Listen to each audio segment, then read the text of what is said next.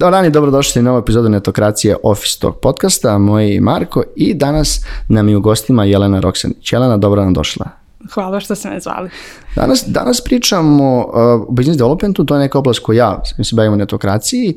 Uh, ti si takođe već par godina, kažem, business development specialist od, od, u domaćim IT kompanijama i negde želja iz ove epizode jeste da pričam o tome uh, Uh, pričamo šta je u stvari ova funkcija, koja je razlika između klasične, kažem, sales prodaje i biz deva, uh, kako može prodavati neke, kažem, uh, usluge ili proizvode i da jednostavno ljudima još bliže oblašnimo ovaj pojam, jer se negde vrlo često on, znači, sama vezuje za sales, jer ljudi da. ne znaju kako da ga klasifikuju i, se, i sistematizuju u nekoj organizaciji.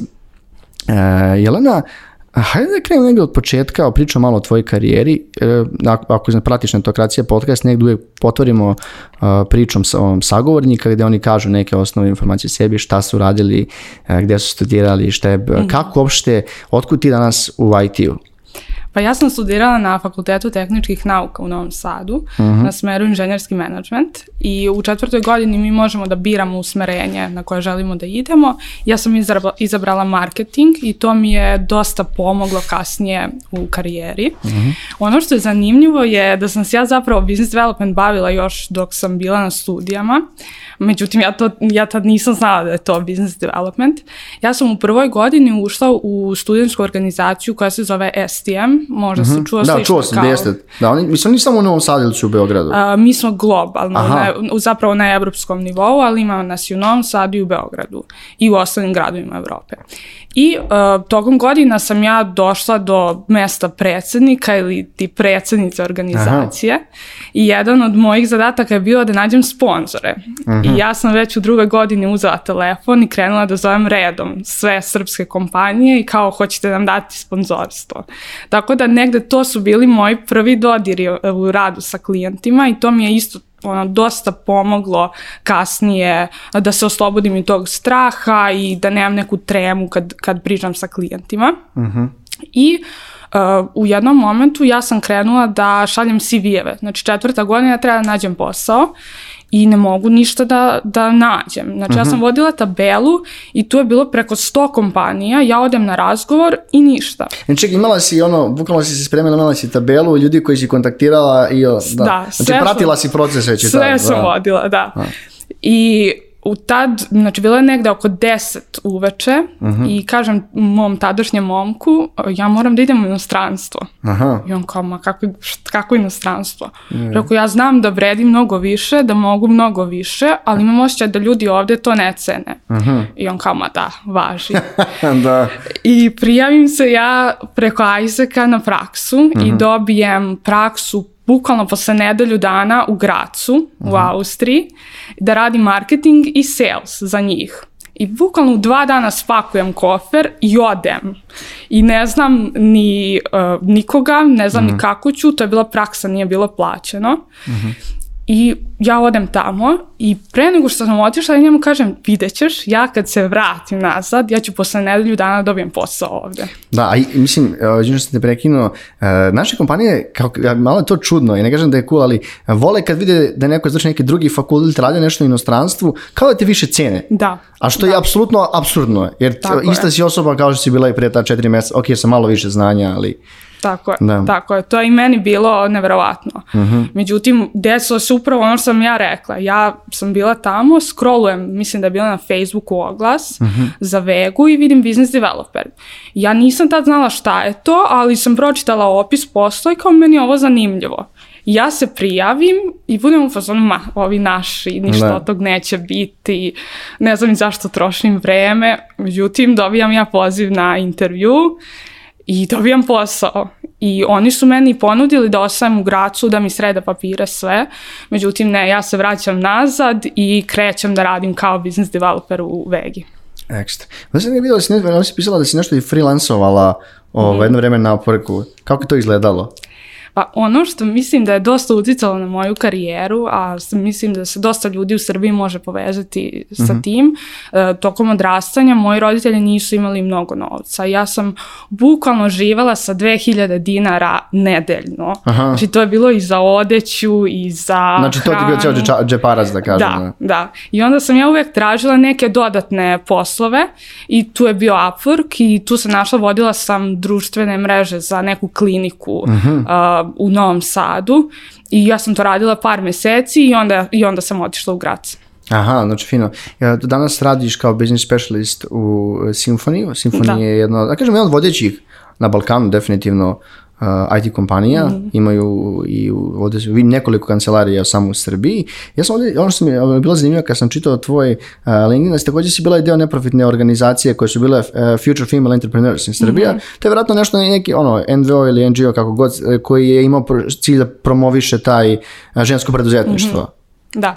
Da, ono što se desilo jeste kad sam ja krenula malo da postojem na LinkedInu, uh mhm. -huh. E, dosta ljudi, to jest žena je krenula da mi se javlja i to je možda neka tema koja se ne priča toliko u Srbiji, gde su one bile u fazonu ja imam brak, imam decu, ne radim, uh mhm. -huh. nemam posao i kao želim da krenem i pratim tebe i uzor si mi zato što si mlada, ambiciozna si i želiš da napreduješ i dobro ti to ide, da li možeš da mi daš neke savete? I onda sam ja odlučila da otvorim uh, tu organizaciju Aha. Mhm. neprofitnu i to se desilo tako što sam ja slučajno videla ne, neki njihov post na LinkedInu i kontaktirala direktno uh, tu os, e, vlasnicu te, te organizacije i oni su bili oduševljeni uh, kao može super, otvaramo to u Srbiji i tako je to krenulo.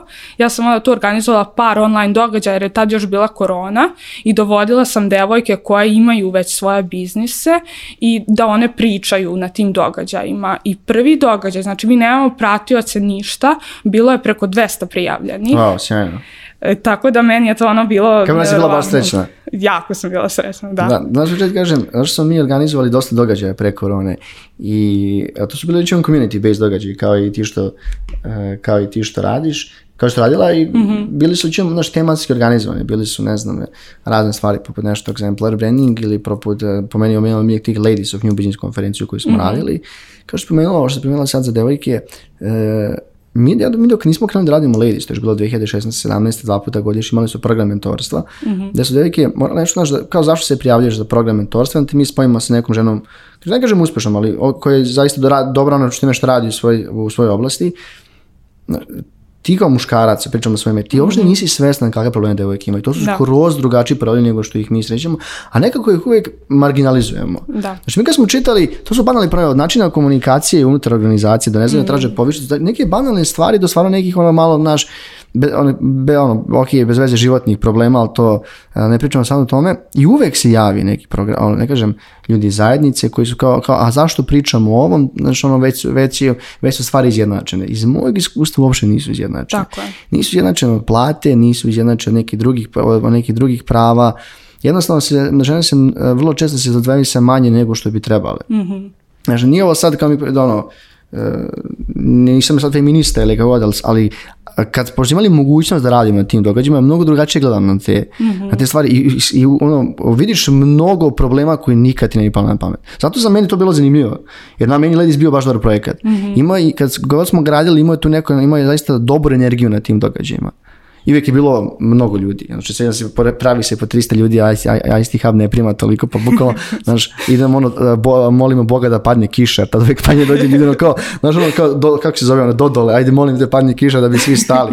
Tako da, to je meni baš lepa stvar što si, što si radila. Jesi još aktivna tu ili si malo smanjila za trenutno? To sam smanjila, bukvalno nisam mogla da, da stignem. E, I bilo je problem što nisam imala, ja nisam, to je bilo sve volonterski, ja nisam imala nikakav novac od toga. Mm -hmm. I imala sam par ljudi koji su radili to sa mnom, nisam mogla da ih platim prosto i oni su otišli dalje, ovaj, da. se zaposlili u, u firmama, tako da sam onda stopirala to. Mislim, to je, to je no, apsolutno normalno Da. Neke stvari opet radiš na volonterskoj bazi, ali ne možeš da očekuješ da svi drugi radi na volonterskoj da. bazi. To je da. vrlo često kad, i kad ti kao šef i lider ne možeš da očekuješ, pogotovo ako si vlasnik biznisa, ne možeš da očekuješ da će neko da se zalaže koliko ti u nekim stvarima. E, Jelena, uh, počeli smo pričati malo o biz, evo, u početku negde, kao što rekla, nisi znala šta je to. Sjećam mm. kad mhm. si ja prijavio na oglas u netokraciji pre više šest godina, bizdev, intervju, verovatno isto nisam znao nisam tačno znao šta je mhm. to. Hajde kako bi ti uopšte tačno ili tvojim rečima definisala mhm. uh, rolu biz developmenta, da li je to nebitno specialist manager ili slično i kako bi ti to opisala i to je to. Da li si, kad si, kad si tečno, ako si istraživala, kad si, kad si prvi put, da li si našla negdje kad si prvi put pavljava ovaj termin? Pa ja mislim, nisam našla kada se prvi put pojavio, ali business development postoji od uvek. I business development je ono što, što zapravo naziv kaže razvijanje biznisa. Uh mhm. -huh. I to je mnogo širi pojam od sales, sad o, to ćemo, o tome ćemo Jeste, da. ovaj, kasnije da pričamo. Uh, U početku u startupovima business development se bave vlasnici kompanija. Znači oni traže klijente, oni idu na razgovor, oni smišljaju strategije kako da e, ne znam povećaju profit, na koje na koje tržište da izađu i tako dalje. I kako biznis se širi, dolazi više ljudi, dolazi više klijenata, vlasnik firme više nema uopšte e, vremena da radi sa toliko ljudi i tada kreće zapošljavanje još jedne, dve osobe u business developmentu. E, tako da ja bih rekla da ne postoji ono tačan neki period kada se javlja, ali to postoji od uvek. Sad, tačan termin je nešto što se javilo pre par godina. Mislim da se javila kad se pala ta internet revolucija negde da. početom 2000 i kad su ti prvi startupi u Americi krenuli da, da da nastaju. Ja sam imao, ovaj, eh, nekako sam bio kod Kovača nešto pričali, meni je to bio simpatičan termin, ne poslovođa. Mm -hmm. Mislim da je mnogo lakše roditeljima da zapamte ovaj, eh, ovaj, čime se baviš ili šef sale, ovaj, može tako da kažeš. Um, ja, ja se ja slažem s tobom, to je, mislim, svima što si rekla, hajde, ja se nam pitanje kažemo, uh, jako često mi, i mešamo ovaj, miješamo te termine sales i biz dev. Uh, po tvojom mišljenju, da, ja sam čak imao neku kolumnu, vidim da si ti nešto skoro pisala baš mm -hmm. razliku između sales i biz dev. Da li je samo biz dev, ono, prodavac u skupom odjelu mm -hmm. i koja je tačno uopšte razlika između prodaje, klasične prodaje i business developmenta? Pa ne bih rekla da je biznis eh, developer neko ko, je, ko nosi skupo odelo. Mislim, većina mojih kolega dolazi u majicu i šorti. Ne, ne, to sam mislio više metaforički, ali, ali razumijem, da. Ali shvatam zašto ljudi povezuju to da. kao a neko ko sad se oblači lepo, a ne radi ništa. Da. I često mi i čujemo ovaj, mm -hmm. komentare, a ovi u biznisu oni samo sede tamo. Samo sastanče, što samo kažem. Samo da. sastanče i ne rade ništa i slikaju se po LinkedInu, to je, to je omiljeno. da. A, ali mislim da je glavna razlika u tome što e, neko ko je business developer razmišlja dugoročno uh -huh. i mhm. on ima uvid u celo funkcionisanje kompanije za koju radi. E, od toga gde kompanija želi da bude za godinu dana, za pet godina, za deset godina, kakve ljude želi da e, zapošljava, koliko želi da raste i na osnovu toga bira klijente sa kojima hoće da radi i uspostavlja, što kažemo, relationship, uh mhm. -huh. neki long term relationship gde prodavac, njemu je cilj da proda. Yes. I on mora da proda odmah da bi ostvario kvotu, target, kvotu, šta god, target, da. da. Da, tako da je to negde glavna razlika. Business developer Eh, ima širu sliku o biznisu, prodavac vidi samo target, vidi listu lidova koje treba da kontaktira i ide redom i zove i pokušava da zatvori, daje popuste, eh, znači samo da bi zatvorio, što mm -hmm. možda za neku određenu vrstu biznisa nije toliko dobro da se zaposli neko ko je sales. sales. Da, iz jednog prostog razloga, eh, ok, vrlo često imaš i tog, kažem, overselovanja stvari i nešto se vrlo često ljudi znaju da prodaju baš zbog tih da li su weekly, target ili message, se zavisi od kompanije, da vrlo često se porada što ne može posle tim da mhm. izdeliveraju, da kažemo. Da. Pogotovo ako pričamo o uslugama, ako nije nužno proizvod koji je ono koji ima SaaS model i slično. To se dosta si lepo, dosta si lepo ovaj, opisala, moram da kažem. Kad razmislim, slažem se sa tobom, e, ima ta jasna distinkcija i nama, neko se bavio ti, nama nikad nije bio cilj samo da prodamo nešto, nego je bio cilj da dugoročno edukujemo tržište kako bi ostvarili te dugoročno, ono, ostvarili zajednicu i napravili te, kažem, odnose sa klijentima koji su nama bitni. Zato vrlo, ono se nama desi, um, mnogo često odbijamo neke ljude za saradnju. Da. Jer upravo nemamo, ok, možda malo drugačije poslanje, jer nemamo nužno neke te kvote, ali um, to je po meni prednost Znači, ne, sales je mhm. vrlo, kad ti imaš mesečne kvote i koliko targete moraš da ispuniš, to može da bude jako stresno. Mm -hmm. I vidiš po TikToku i drugim društvenim mrežama da ima ono, veliki broj ljudi koji radi u salesu, koji, ono, čak neke ja pratim koji imaju te eh, kažem, mim stranice za sales, mm -hmm. to je ja, mhm. jako stresan posao može da, da bude, jer ti da. konstantno imaš neki target koji ti zavisi plata, bonus um, ili, ili, ili nešto ostalo. Uh, Jelena, ti danas radiš u domaćoj firmi ovaj, Symfony, uh, eh, na dekoraciji smo imali prilike da čujemo E, šta je Symfony, šta radi taj community, interni community, mm -hmm. kako se razvija. Uh, ajde mi šta tačno ti radiš u, u, u Symfony, kažemo jednoj IT firmi i kako izgleda tvoj radni dan, tačnije operacije neke mm -hmm. koje ti mhm. radiš svakog dana ili sedmice. Znaš, ono, mm -hmm. e, mhm. e, znam, znaš napred, ovo stvari koje ja radim. Mm -hmm. Pa glavna uloga biznis developera u Symfoniju jeste da komunicira sa klijentima. Uh, mi imamo tu sreću da većina klijenata dolazi preko preporuke ili nekog koga već znamo e, i javlja nam se prosto preko poznanika, preko, preko vlasnika firme, tako da je dosta lakše možda u odnosu na, na neke druge firme. Uh, Uglavnom izgleda tako što, ne znam, ujutro probudim se, počinje malo kasnije, recimo oko 10, pola 11, pošto radimo sa, uglavnom sa američkim klijentima eh, i onda ostajem eh, duže na, na poslu dok ne završim u suštini i po, eh, gledam mailove i pravim listu zadataka koja treba da rešim taj dan. Mm -hmm Eh, I onda imamo par internih sastanaka da vidimo gde smo sa klijentima, šta treba da radimo i da li ima nekih novih inicijativa. I u zavisnosti od dana do dana imamo jedan, dva sastanka sa klijentom, pišemo eh, follow-upove klijentu, propozale eh, za, za neki određeni projekat uh -huh.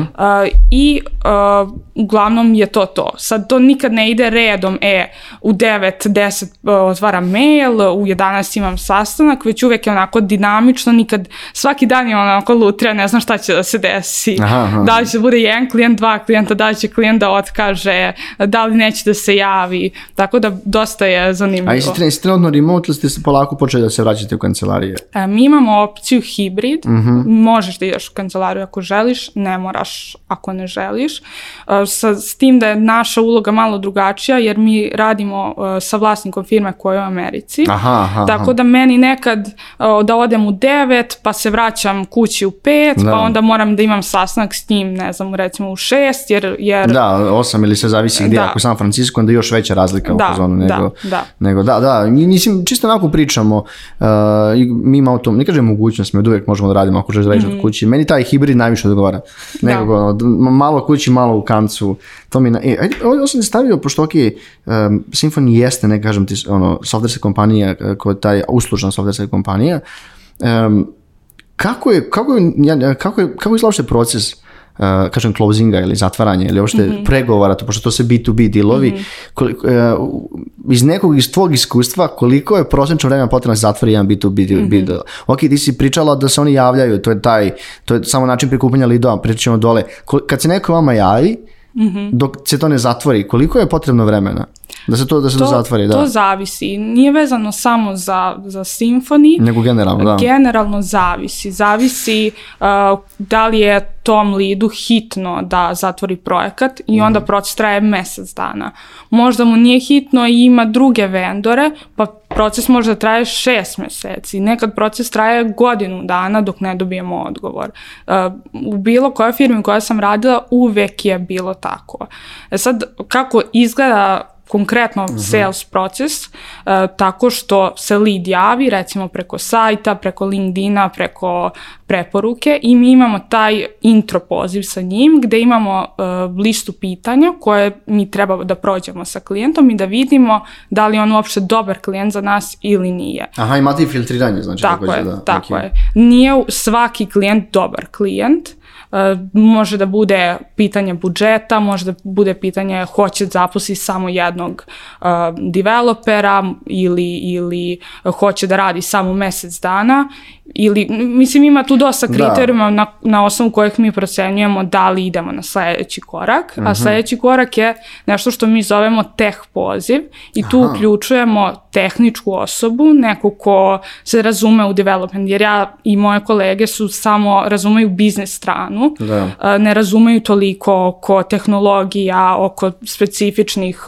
specifikacija projekta i onda tehnička osoba priča sa njima, ukoliko je ok, sve, možemo da, da potpišemo ugovor, piše se taj proposal i zatvara se klijent. Da, no to isto zavisi, takođe kao što se rekla, od tipa da li je ono product base ili uslužna, uslužna kompanija, jer ti se te zoveš intro, ono ili to zove kao demo call, jedno da, pokazujemo da. ti kako, kako radi software. Ali demo call je više kada je produkt. I jeste, upravo sam to što da. sam, to što sam rekao. Uh, ok, netokracija, naš proces izgleda mnogo drugačije sada nego, mm -hmm. nego pre šest godina. Pre šest godina to bilo mnogo onom outbound lidova i nije bio, ne mogu kažem da bio neki cold outreach, ne mnogo je lako doći do kontakta kada na srpskom tržištu. Da. da li je to neko intro koji će neko napraviti drugo za tebe ili će ti pišem na LinkedInu i otprilike negde te znaju, mnogo je taj prvi korak pojednostavljen mm -hmm. i mhm. ne moraš da šalješ ono, da tražiš neku outreach listu pa da šalješ pa ako se neko javi ili ne, malo je drugačije, ali kad, kad gledam dosta se, dosta se do, razlikuje se dosta, kad smo mi slali, se slali kad kreneš te pregovore, to je znalo da bude po šest meseci da. negde, a opet u 2022.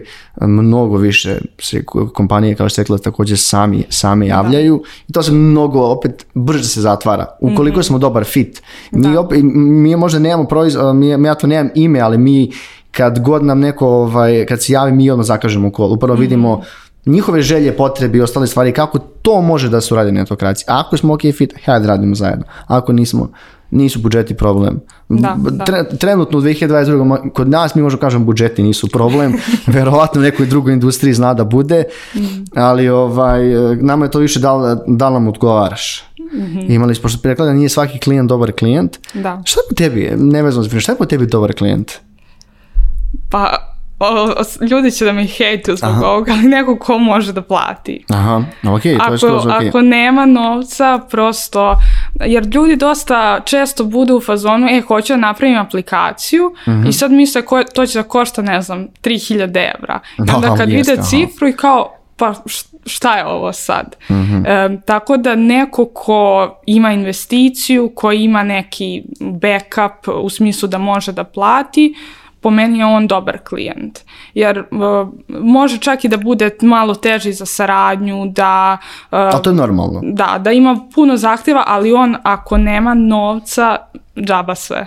E, da, da, da, kod nas je malo drugačije. Kod nas je e, da li taj klijent ima nešto da kaže. Mm -hmm. I koliko je zanimljivo. Jer e, ovaj, veliki broj pogotovo domaće kompanije na tržištu koje su uslučno orijentisane, mm -hmm. imaju slične benefite. Mnogo stvari je pod NDA, mnogo stvari ne može se kaže ni na kreativni način koji ti njima želiš da ispokaš. Znači, nama je, nama je uvijek to glavna stvar, kao da li, um, to je budžet jeste bitan, ali je uvijek bitno kao da li šta vi možete da kažete. Mm -hmm. okay, mi ćemo to da se to bude s naše strane ok, ali šta ti možeš da kažeš, a da se razlikuje nekog. Mm -hmm. Znači da i nijem nemaš listu benefita, šta tebe izdvaja kao poslodavca, kao kompaniju koja ulaže u zajednicu ili slično. Tako da, znaš, ono, opet drugačija industrija, pa su neki drugačiji kriterijum zašto tačno da, čini. Da, da. Nama je to vođe bitno i e, da, da nema puno, kako kažem, mikromanagementa u tom procesu.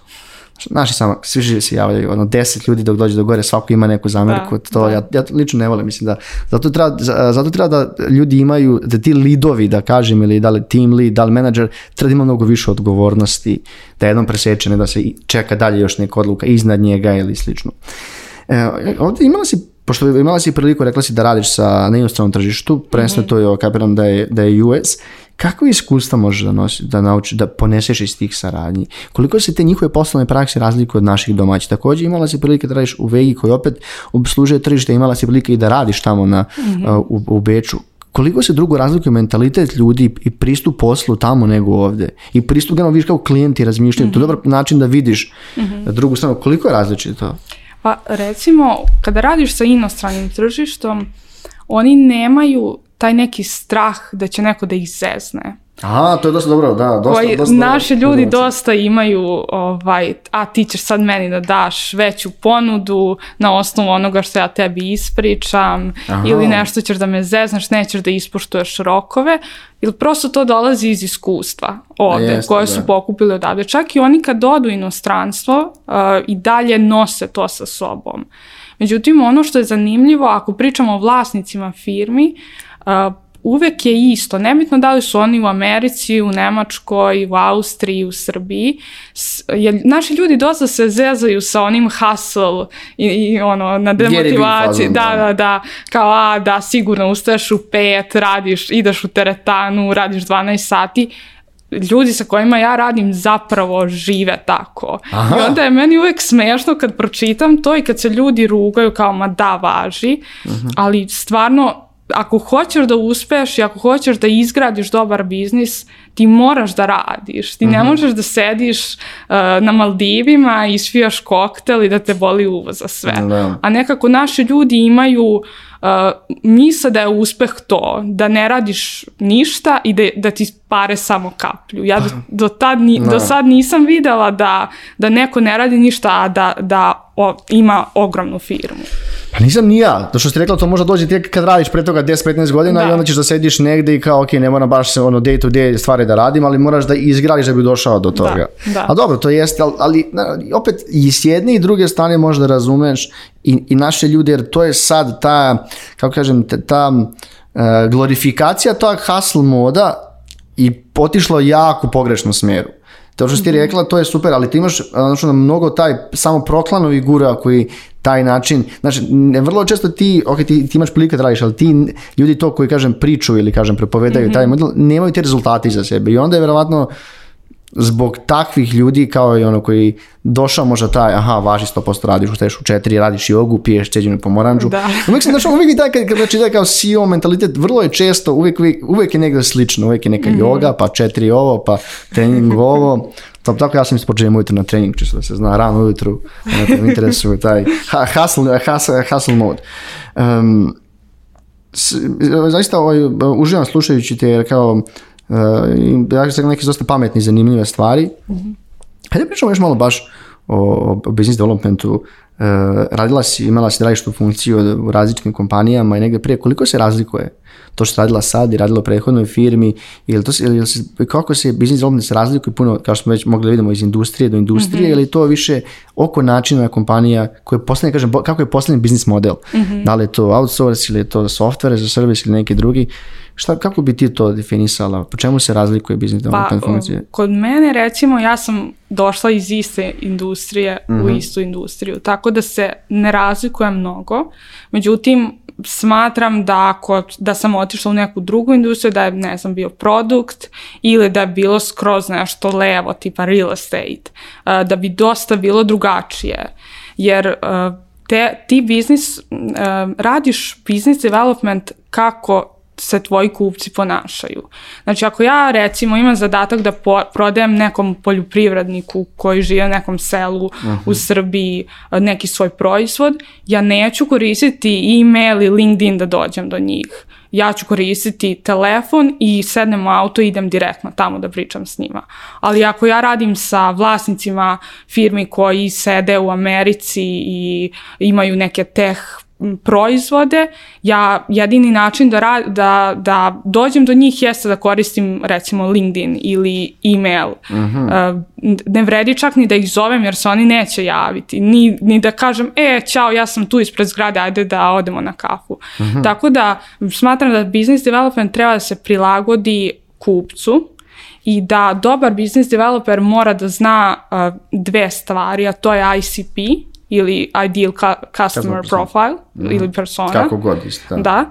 I da zna uh, customer journey. Znači, gde njegov klijent ide, šta radi, uh, koje emocije ima, na koji način donosi odluku da kupuje. I to je ono što razlikuje dobrog business developera od onog ko nije toliko dobar. Mhm. Uh -huh.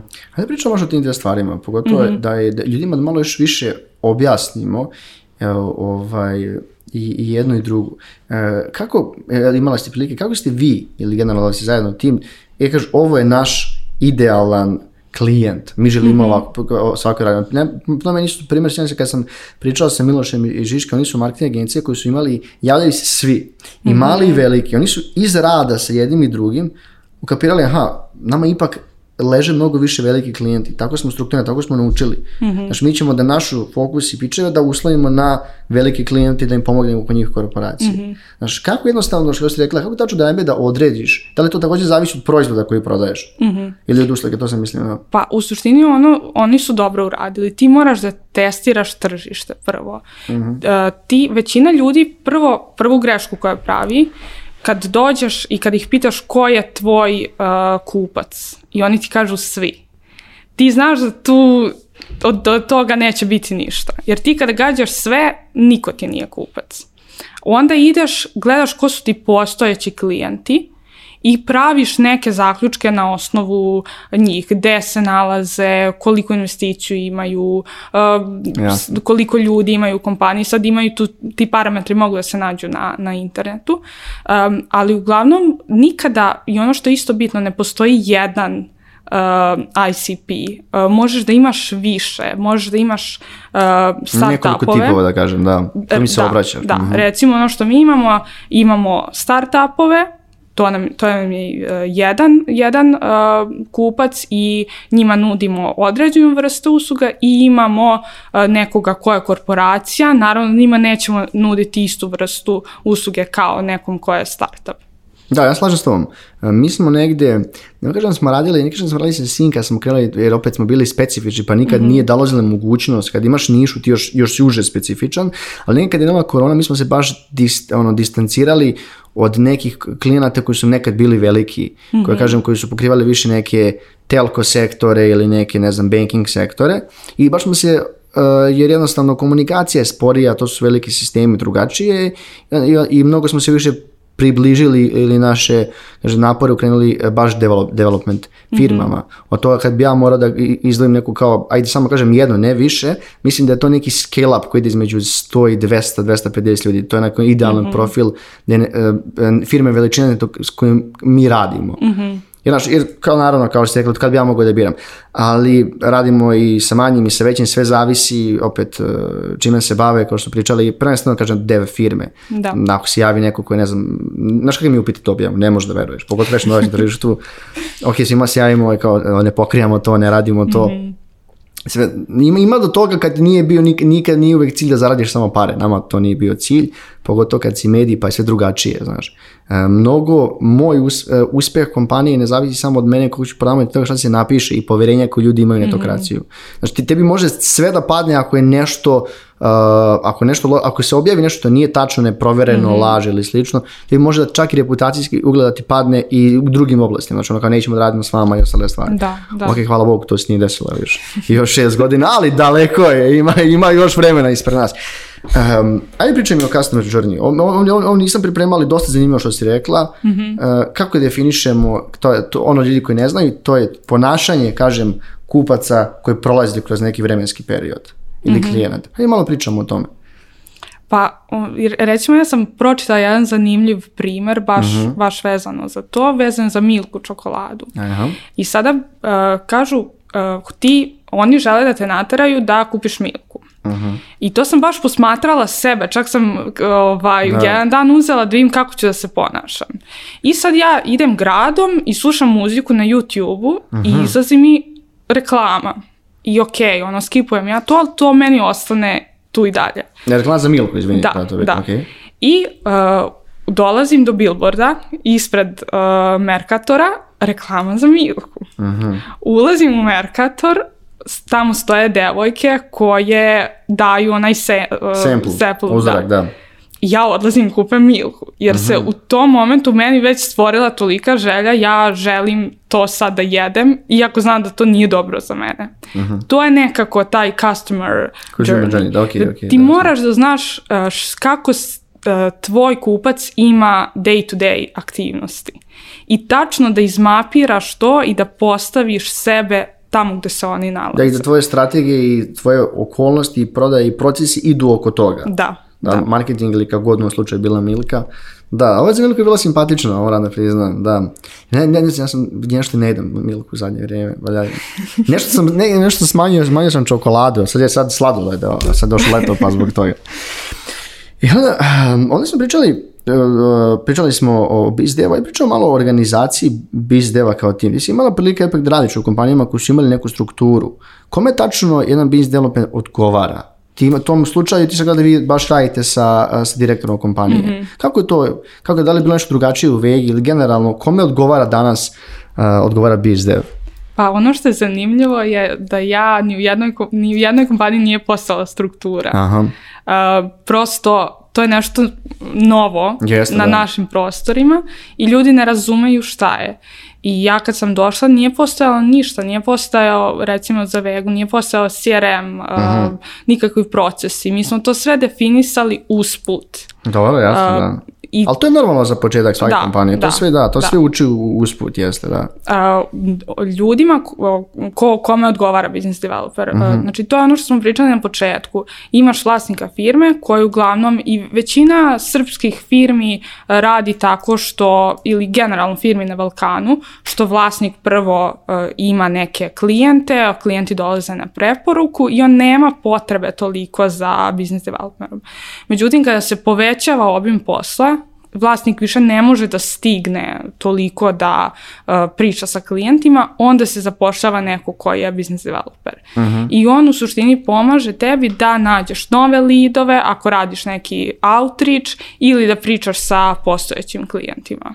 Uh Tako da re, re, ja bih rekla vlasniku firme, jer ti kao business developer moraš da sarađuješ sa vlasnikom firme. Ili nekim većim organizacijama imaju te neke uh, chief business officera ili chief revenue officera gde negde jesu u toj strukturi baš, uh, baš business develop. To opet zavisi od veličine strukture i ostale da, stvari da. firme.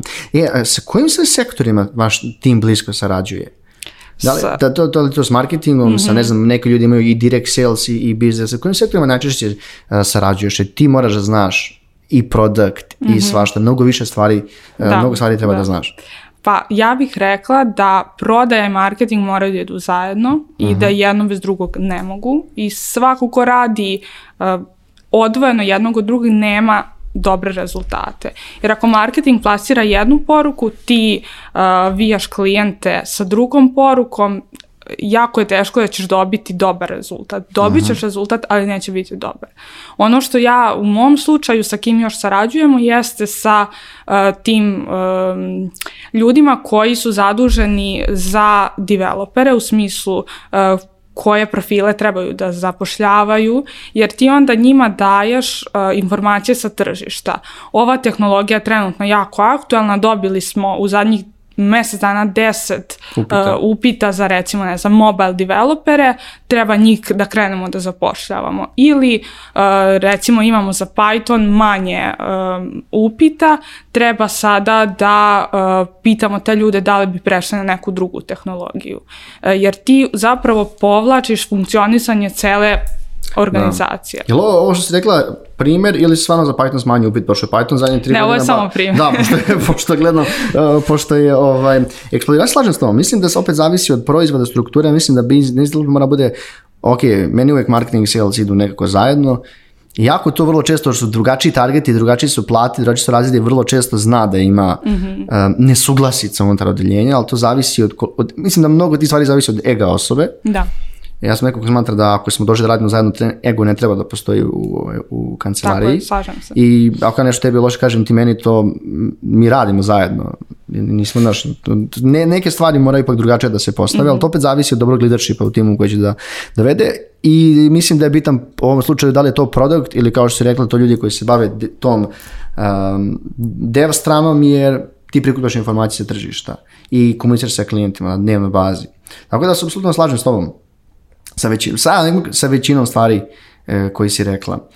E, ovdje smo stavili, jedan osnovnih zadataka jeste, biznis plan jeste pronalaženje novih izvora prihoda, ja sam to stavio koje za razvijanje strateških partnerstava. Mm -hmm. To smo mi generalno pričali mm -hmm. ovaj, kroz, kroz epizodu. Jedan, razlog, jedan stvari koje sam ja radio jeste smo napravili neke nove medijske proizvode mm -hmm. i mhm. na taj način prodavali, kažem, nudili klijentima ili slično. Mm -hmm. um, kako je danas, ok, vi ste se rekla da, pre, da, je, ovaj, da vi većinom dolazite da preporuke, ali pričamo generalno. Mm -hmm. uh, ako imaš neke podatke, čitala, koliko je danas content marketing, uh, ako gledamo content marketing što kompanije rade svoje blogove za akviziciju novih korisnika, uh, koliko je on sve više više prisutan ili, ili to ono direktno inbound, direktni sales lidovi kao što se klimaju kvote, mm -hmm koji, ovaj, koji se javljaju klijenti. Zašto je opišem? Jer imao situaciju, čak i u nekim naš SaaS kompanijama koji su smanjili direktne sales eh, mm -hmm. lidove, pojačali kontent odeljenje, uz pomoć kontenta dobijaju veliki broj, mm -hmm. broj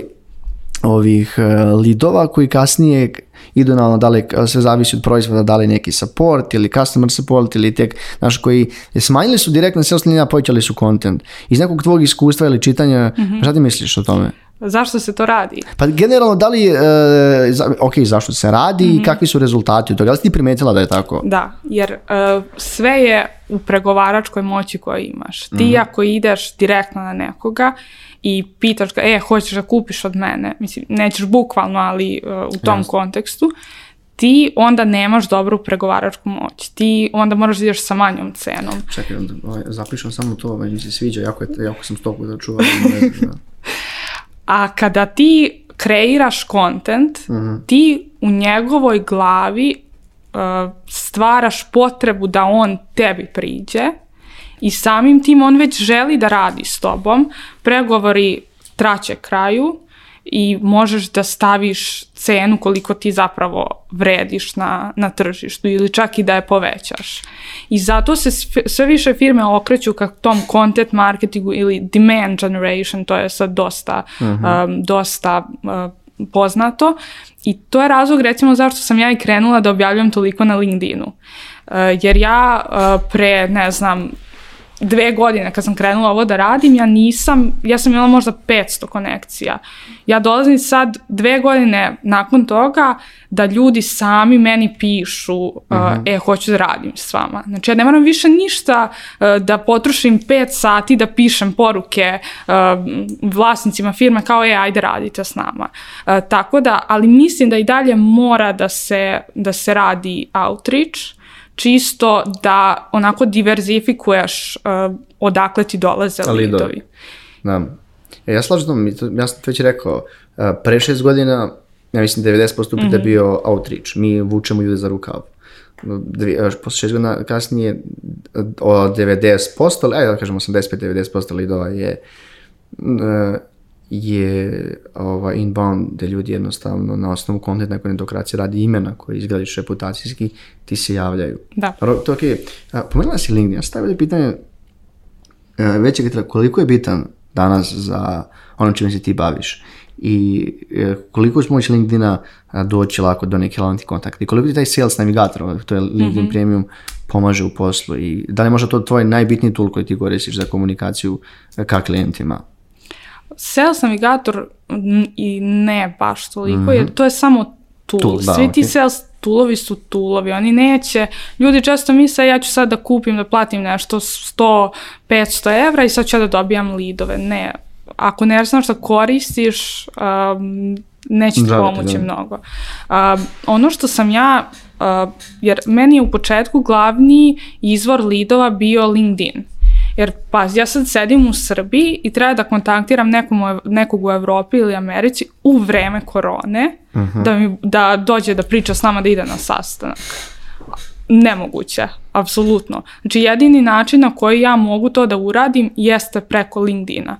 I kako sam ja čitala i istraživala, ja sam shvatila da uh, ja ako objavljujem, meni to neće direktno doneti lida, ali uh, ja ću njima konstantno da izlazim na, na onom... Algoritmu feedu, da kažem. Da. Na feedu, da. Ja kad njemu pošaljem poruku, on već zna ko sam ja. Mm -hmm. recimo imala sam situaciju pre četiri nedelje gde onako privatno sam izašla petak uveče mm -hmm. u, u grad i uh, dolazi jedan momak koji je vlasnik par firmi u Švajcarskoj. Mm -hmm. I prilazi mi i kao, čao, čao, ja tebe znam. I sad ja ne mogu uopšte da, da On skonta. tebe zna, ti njega ne znaš. U da, taj, da. da. Ja kao, sad, ja stojim tu, zamišljam, da. kao šta sad, i on kao, pa kao da video sam ja da si ti prešla iz Vege u Simfoni mm -hmm. na LinkedInu mm -hmm. i kao mhm. jako dobro pamtim lik, zapamtio sam te. Da, da, da. I meni je to onda nekako bio dokaz, ok, sve ovo što ja radim ima smisla, jer ja ne moram direktno da idem pred ljude, mm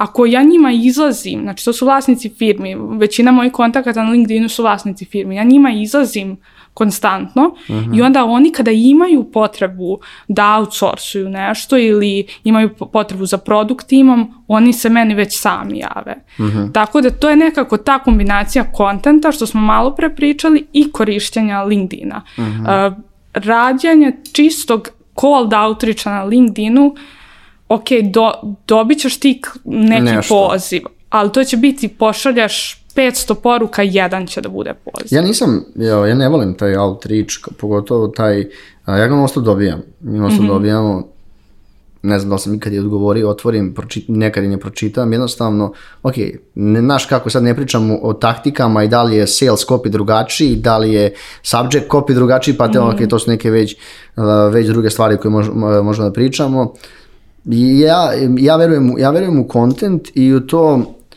ok, ne, volim, ne verujem u generički kontent, vrlo često mm -hmm. na mhm. LinkedInu znači samo da ljudi generički objavljuju stvari, da. ali ako neko daje stvarno uh, dobre informacije koje su potrebne, ja ću da pratim, lajkujem, pročitam, komentarišem. Znaš da je bilo, bilo nevjerojatno popularno, vjerojatno znam danas na LinkedIn skripte, pa za LinkedIn ti svaki da. post koji vidiš neko tvoje komentarisao, wow, good job, ono, bukvalno nema veze s vezom. Ali to zapravo nisu, šta se tu dešava, to ljudi ne znaju. Postoje, ne znam da se čuo za Lemlist. Da, znam ko je, da, da. Da, da, Lemlist je u početku imao nešto što se zove Lempod, čini mi da, se. Da, to je, znam, to je, da. Ima I to je više bukvalno bilo, stvari, da. Bukvalno je to bilo to. Ti ubaciš svoj profil tu, ubaciš svoj post i ti imaš tu hiljadu ljudi koji ti samo komentarišu tu guđab. Mhm. Znači, to kompjuter radi. Da, znam da je skripta, da, da, da, znam, da. ali opet mi je iritantno, zbog, meni to mi je tumač zbog toga u fazonu. Ali, ali, ali, ali LinkedIn je to vrijeme jedno zabranjivao, na vrijeme, znači kako je sad. Da, znači oni su, čini se, prošle godine ugasili sve, mm -hmm. sve te. Možda ima ih još Neka, par, da. ali ono što se sad dešava, ako primete mm -hmm. da radiš to, bukvalno ti uh, ono... U, ugasi profil, da kažem. Ne da. ugasi ti profil, ali tvoj rič je onda manj. Smanj, aha, da. dobro, to jest.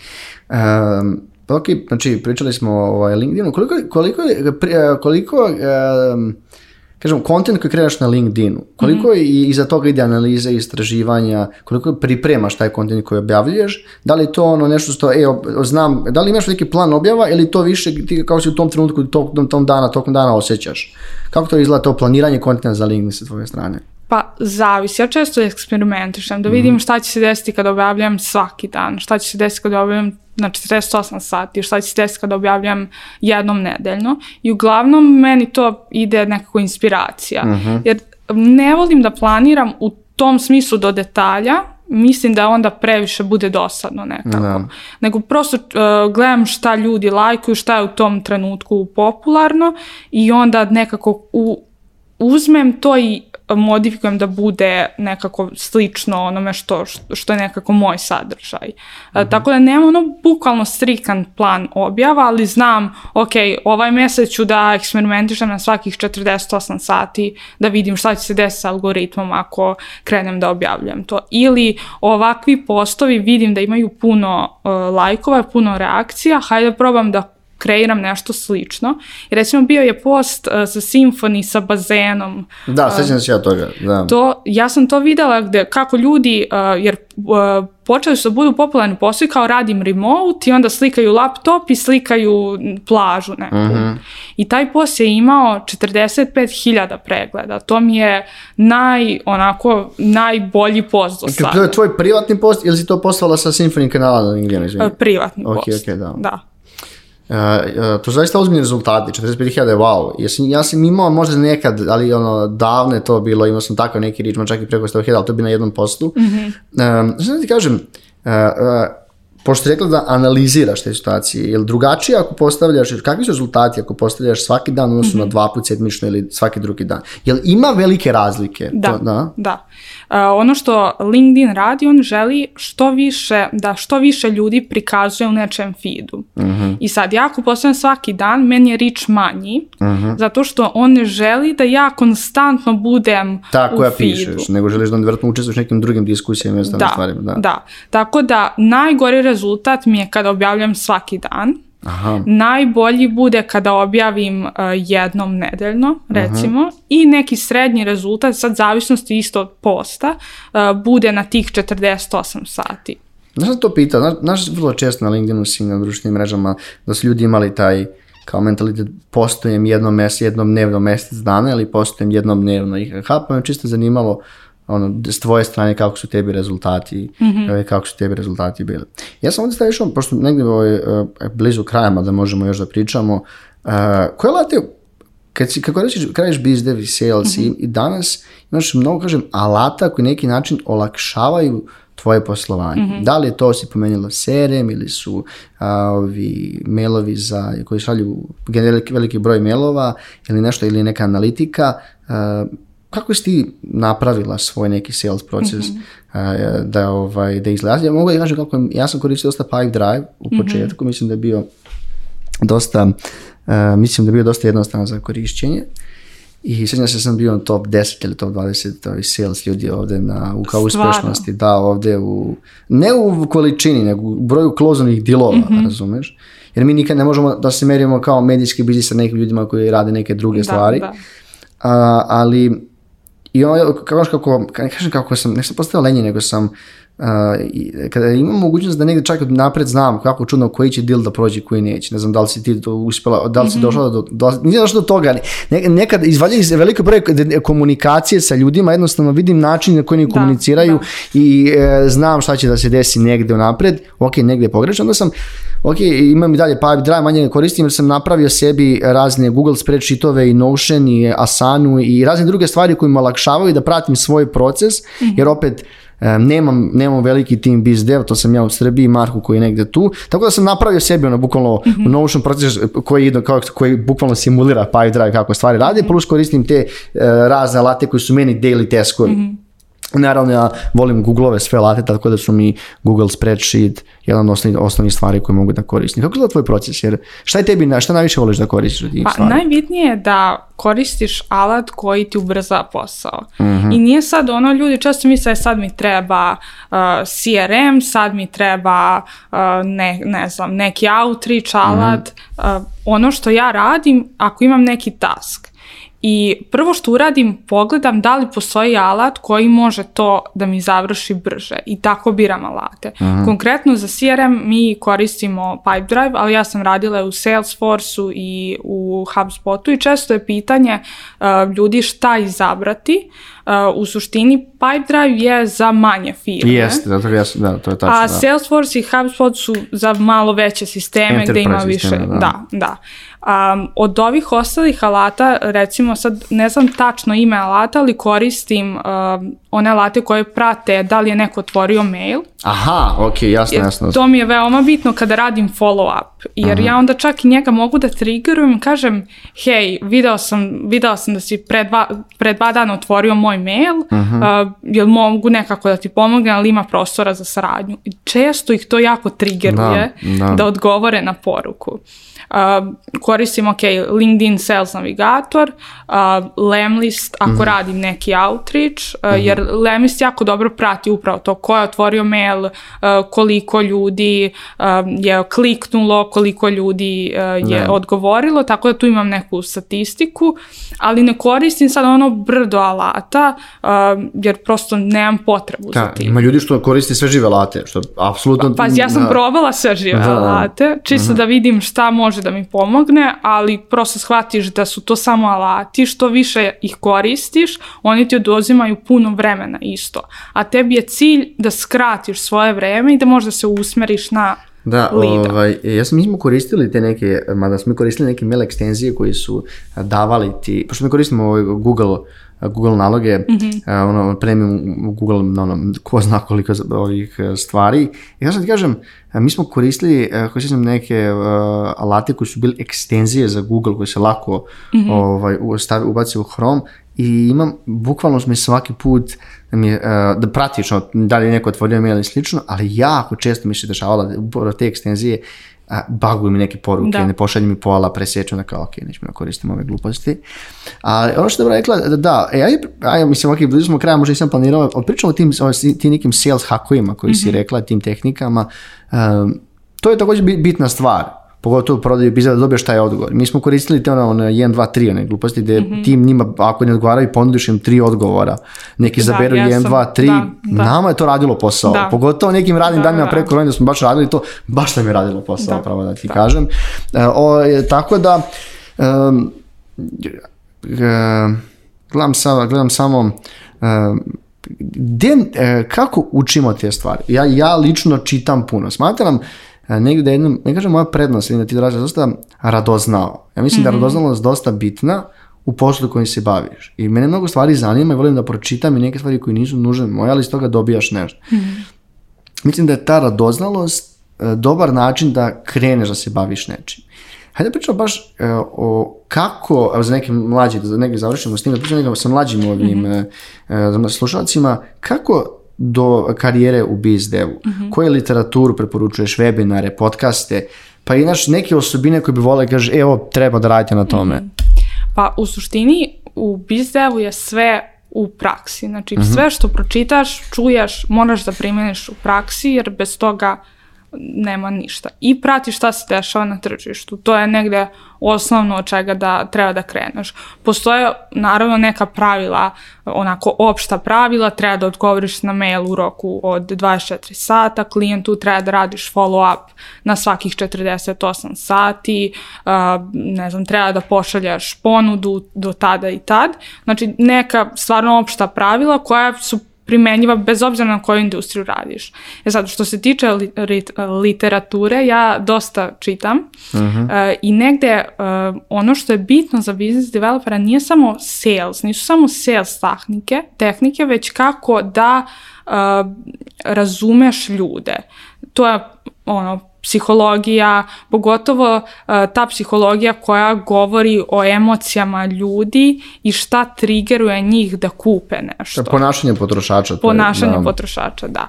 Pored toga, jako je bitno da neko ko je business developer radi na sebi. Sad, da li će to da bude, ok, kako da, ne znam, držim sastanak, kako da, recimo, od banalnih stvari, kako kada pričam sa klijentom, da podesim svetlo u sobi, da ne bude mračno, da ostavi dobar utisak. Šta da obučem? Mm -hmm. um, Kako su deal, ono, icebreakeri na početku, kako otvaraš sastanak, mada si to već pomenula. Pa, da. O, osnovni jeste uh, da ne upališ kameru. Mislim, ljudi budu kao u fazonu, ma to se nije bitno, ali bitno je, stvarno je bitno jer e, koliko god mi to hteli ili ne, ljudi te procenjuju na osnovu toga kako izgledaš i kako se ponašaš i kakve manire imaš. Da, mislim da je prvi utisak dosta bitan kad neko vidiš da, kamere. Da, da. Jer sad ja ako dođem na sastanak u mračnoj sobi, uh e, mhm. -huh. ne upalim kameru, ja ne ulivam poverenje. A bitno uh mhm. -huh. je da to izazovem kod, um, kod kupca, poverenje. Um, isto, recimo, podcasta, ja volim da slušam uh, one podcaste gde dolaze uh, vlasnici firmi, na primer Diary of a CEO, ne znam uh mhm. -huh. da li si čuo, to mi je omiljeni. Bukvalno pratim svaku epizodu, jer tu dosta možeš da čuješ uh, pogotovo te firme koje su meni uh, target grupa, uh, znači tech firme, uh, oni pričaju nekako svoja iskustva, otvore se mnogo više o, personalno, vidiš šta im je bitno, uh, kako razmišljaju i to ti je sve važno kada ti pričaš sa takvim ljudima, jer obično svi ti ljudi imaju nekako slične karakteristike. Uh, što se tiče nekih biz dev ili sales podcasta, još uvek nisam našla ni jedan da je onako dobar, dobar da je popularan, tako da ugla, uglavnom slušam uh, kada su CEO-ovi, znači taj mm -hmm. Diary of CEO ili um, nešto vezano za, za psihologiju. Da, pošto ću taj Diary of CEO, meni nekad, nekad često znam da bude problem što sam mnogo CEO je prošlo medijske treninge, mm -hmm. mnogo drugačije pričaju i malo tu ima mnogo stvari koje možda nisu tačene ili koji znači ono znaju šta treba da kažu na svako pitanje. Tako da mi vrlo često ne zovemo puno CEO, neko ljudi koji rade u kompaniji, mm -hmm. jer, znaš, ovi su prošli trening, medijski trening, što je onda znaju jako, znaju kako treba da odgovore neko pitanje ili da izbjegne neko pitanje, ali ću baš da bacim pogled ali na, na isto ti je tako kad ideš sa njima na poziv. Aha. Ti njih pitaš da li ti imaš budžet, ti moraš da prepoznaš da li on izbegava odgovor uh mhm. -huh. na to pitanje e, ili ti govori iskreno. Tako da čak i ako jesu prošli taj trening, ti učiš kroz to što ih slušaš kako to da prepoznaš. Da, jasno. E, uh, pošto pomenula si, pomenula si pitanje ako pitaš Siva, koliko si imala neki na početku neki sales script ili kad imaš ono kao šta tačno pitaš ljude tokom razgovora šta im pičuješ, šta im pričaš? Je ti pomagalo to na početku? A, to je ono, to je druga onako greška koju svi prave, jeste što misle ako si business developer ili prodavac da ti treba da pričaš. Da ti slušaš. treba da ti treba da što više da ćutiš, ti što više ćutiš, više informacija dobijaš od klijenta. I naravno imaš ti nekih set pitanja koja su tebi bitna, na primer, ne znam, koja tehnologija koriste, koliko ljudi imaju u timu i tako dalje. Deadline-ovi. Deadline-ovi koje ti moraš prosto zbog sebe moraš da, da saznaš, ali to je to, ti postaviš pitanje i ćutiš i pustiš njega da priča, ne upadaš mu u reč, ne, puka, ne, ne kažeš, e, moja firma to, to, to, moja firma je najbolja, jer tako nikada u suštini nećeš prodati. Da, znači, e, ja, ja volim, ja, okay, ja volim taj iskren, volim taj iskren pristup. Znači, jednostavno vidim kad neko iskren, kad nije iskren. Mm -hmm. Pogotovo u tom, e, kad, si, kad radiš medijski biznis, oni svi vole da s njima priča lepo. Mhm. Ali neko stvarno je prizeman i kaže ljudi, ajde pa pričamo o stvarima koje jesu. Mm -hmm. A imaš veliku broj kompanija kaže mi, mi, mi, mi, mi, mi, Da, da. To je meni uvijek trigger. Znaš ono sad što ono kao red flag i ostale stvari, e, to je meni uvijek neki red flag. E, da znam otprilike kako će već taj kamp rezultat te kampanje da bude ako pustimo taj tekst. Jelena, mi smo došli do kraja epizode, skoro sat vremena pričamo. Ovaj, čisto znaš, ja sam dosta, kažem da ti prvo da ti zahvalim što si bila naš gost i ja sam zaista uživao ovaj, slušajući da mislim da si rekla nekih E, na jedan lep način rekla neke stvari koje su negde tu, ali se ne pričaju dovoljno o njima. Da. Tako da ovo ime naše onetokracije, želim ti se zahvalim što si bila naš gost. A ako imaš nešto ti na kraju da kraju kažeš ili da pozdraviš neko može slobodno. Pa, meni je zanimljivo jer ovaj, ono što sam ti rekla prema što smo krenuli da snimamo, ja sam bukvalno sedela pre godinu dana i slušala podcast i kao, ali bi bilo dobro da ja dođem ovde i da pričam. Uh, Znači, i onda sam bukvalno išla i istraživala kako doći do Aha. toga pričaš na podcastu. Tako da je meni jako drago što, što ste vi meni zvali. Ja, meni, meni, je, meni je srce puno kad čujem ovo, ne znam zašto. ovaj, zato što uh, nama se ljudi često javljaju, e, hoće da pričati kod tebe u podcastu. I to nikad niko nismo, i nikad niko kaže, e, ajde dođi da pričaš. Ja ne znam da li smo ovi sto, ovo je, ovo će biti možda sto druga, ili da je sto prva, druga, treća uzak kad izađe. Ja mislim da ih sto epizoda, bukvalno nismo, nismo niko rekli, e, kao, um, on je, on je, ajde ga želimo što je htio da dođe u podcast. Mm -hmm. To mhm. jednostavno, to se tako ne radi. I e, zašto sam ja, ok, ovaj, tebe pozvao, a, ne pričamo puno o ovim stvarima, o bizdevu, to je pod jedan. A, ehm, nemamo a, ni, a, e, tvoji LinkedIn postavi nisu mi basic, zanimljivi su i mogu nešto mm -hmm. da mhm. pročitam. I um, znaš, to je dovoljno da želim da te, da želim da te pozovem da pričam, Plus, uh, Nijemo dovoljno uh, e, devojke koje pričaju o ovom. Nekako da. je, ne, znaš, to, ok, nisam stvarno zbog toga pozvao, nije bio plus i, i, i, i neko ti ne možeš da veruješ um, da smo tako nekako orijentično tržište, znaš, fali nam više cool priča, fali nam više ljudi da se uključe i ti si baš aktivna i meni je to mm -hmm. zanimljivo i volim da pročitam tako neke stvari kao, e, ovaj devojke je cool, hajde da je pozovemo u podcast i da pričamo o bizdelu. I to kao, e, super. Tako da smo brzo se i dogovorili. Ja sam ja ušao neku poruku našu na LinkedInu i vidio sam im poslao neku epizodu. I e, kao ovaj podcast je super što ste, to ste pričali. Ja se toga uopšte nisam sećao. I kao sam bilo kao, wow, bilo mi još draže što sam te pozvao u podcast. Da pa ja to. sam tad već imala cilj da ti mene pozove. Aha, to je bio taj cilj. da. Nema veze, bilo je skroz cool. Mi smo bili kupljeni, tako da eto. Ovaj, hvala ti još jednom što si bila. Uh, mislim da je bila jako dobra epizoda. A vama gledalci i slušalci, hvala što ste ostali ovaj, s nama do kraja epizode. Netokracija Office podcast možete pratiti pratiti na, svim, na YouTube na kanalu Netok, na YouTube eh, kanalu Netokracije i svim drugim streaming platformama, kao što Spotify, Deezer, Apple Podcast i mnogi drugi. Tako da hvala još jednom i do nekog novog slušanja.